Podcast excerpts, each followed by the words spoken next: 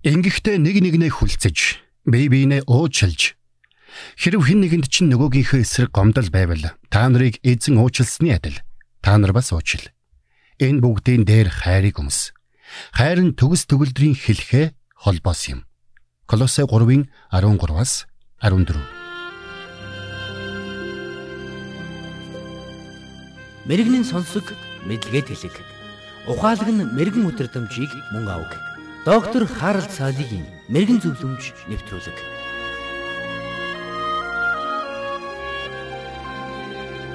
Бусдыг хайрлах жинхэнэ хайрын түлхүүр бол цаад хүнээ өөрийнхөө хүсэлд нийцүүлэн өөрчлөх гэж оролдох бас. Харин байгаагаар нь хүлээж авах явдал юм. Зарим тохиолдолд бидний хооронд эвлэрэх аргагүй, өөрчлөх аргагүй ялгаатай талууд байсаар байдаг. Тэгвэл бие биенээ хайрлах хайраа хадгалахын тулд бид тэр бүх ялгаатай талуудыг хүлцэн твжиж тэр бүхэнтэй мөр зэрэгцэн амьдрч сурах ёстой болдог. Тэгвэл ямар зүйлс бидний игдүүцлийг төрүүлж хамт амьдарч байгаа хүнээ тэсгэд бэрх болгодог юм бэ? Манай нэвтрүүлэгт хаягдсан загтлуудад энэ тухай олонтоо өгүүлсэн байдаг. Хорхирох, дууга хураах, бохир оймс дотор хувцаа шалан дээр хаях, хүний шуудан өмнөөс нэх Гэр бүлийн аялалда ээжигээ авч явна гэж зүтгэх. Дуу гаргаж идэх, шүлсээ үсчүүлж ярих гэх мэт дурдаад байвал дуусшгүй олон. Хосуудын харилцаанд бие биедээ гомдлох зүйлс бишгүй л тохиолддог. Хайр нь шинхэн байх үед тэд тэр бүхнийг тэсвэрлэн твждэг. Гэвч явцын дунд бодит байдал хүмүүсийн нүдийг нээх үед тэдний харилцааны хэм буурч гал халуун байдал нь алдагдж тэдний харилцаа аажмаар хүйтэрч хүндэрч эхэлдэг. Улмаар хүмүүс төрлөх мөн чанартай хөтлөгдөн асуудлыг шийдвэрлэхийг хичээж ингэхдээ цаад хүнээ төрүүлж өөрчлөхийг оролдож эхэлдэг. Эндээс л хамаг зөрчлийн сойр тавигддаг. Хүмүүс ихэвчлэн амьтныг сургахдаа хүссэн зүйлийг нь хийвэл шагнаж хийхгүй бол шийтгдэг. Харамсалтай нь бид эхнэрээ эсвэл нөхрөө өөрчлөх гэж оролдохдоо мөн л ийм арга хэрэглэх гэж оролддог. Гэвч ийм аргаар бид амьтныг сургаж болгоч хүнийг сургах боломжгүй юм. Ингээд энэ бүх оролдлогын эцэст бид цаад хүнээ өөрчилж чадахгүйгээ ухаардаг. Харин тэр цагт бид ихэвчлэн энэ харилцаагаа зогсоох сонголтыг хийдэг. Нэгэн 85 настай өвгөн 60 жил ханилсан ханиасаа салах өргөдөл өгчээ. Шүүгч түүний өргөдлийг хүлээж аваад ихэд гайхаж. Та хоёр бүхэл бүтэн 60 жил хамт амьдарсан байж яагаад дахиад хэдхэн жил хамт амьдарч болохгүй юм бэ гэж асууж гин. Харин тэр өвгөн шүүгчээ 60 жил тэслээ. Одоо хангалттай химэн хариулсан гэдэг. Тэгвэл ийм нөхцөл байдал донд бид ямар алхам хийх ёстой вэ?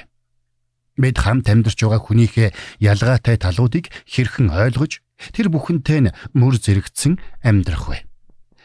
Хэрвээ танд ийм асуулт байгаа бол дараах 7 зөвлөмж таны амьдралд өөрчлөлт авчрах болно гэдэгт би итгэлтэй байна. Зөвлөмж 1. Бие биенээ хүндэлж сур.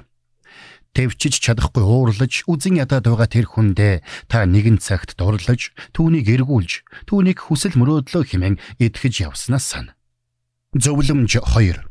Бие барьж сур.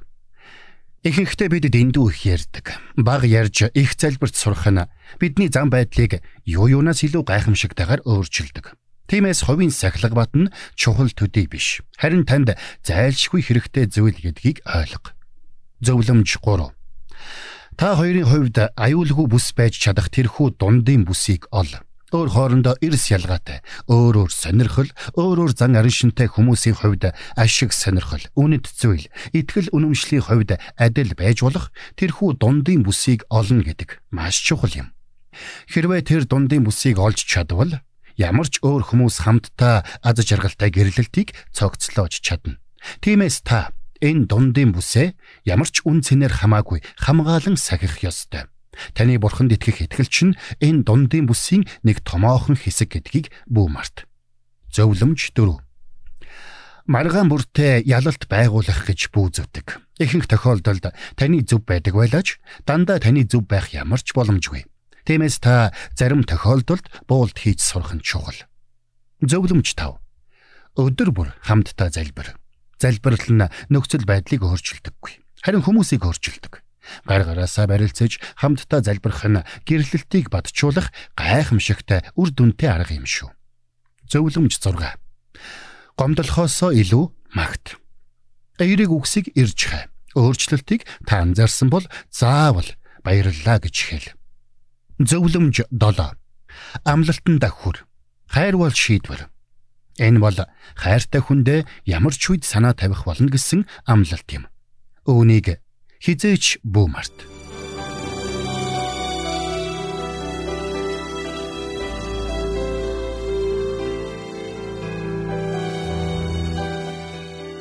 Мэргэн нэгнийг дагуул мэргэн, мулгуутай нөхөрлөл хорлол.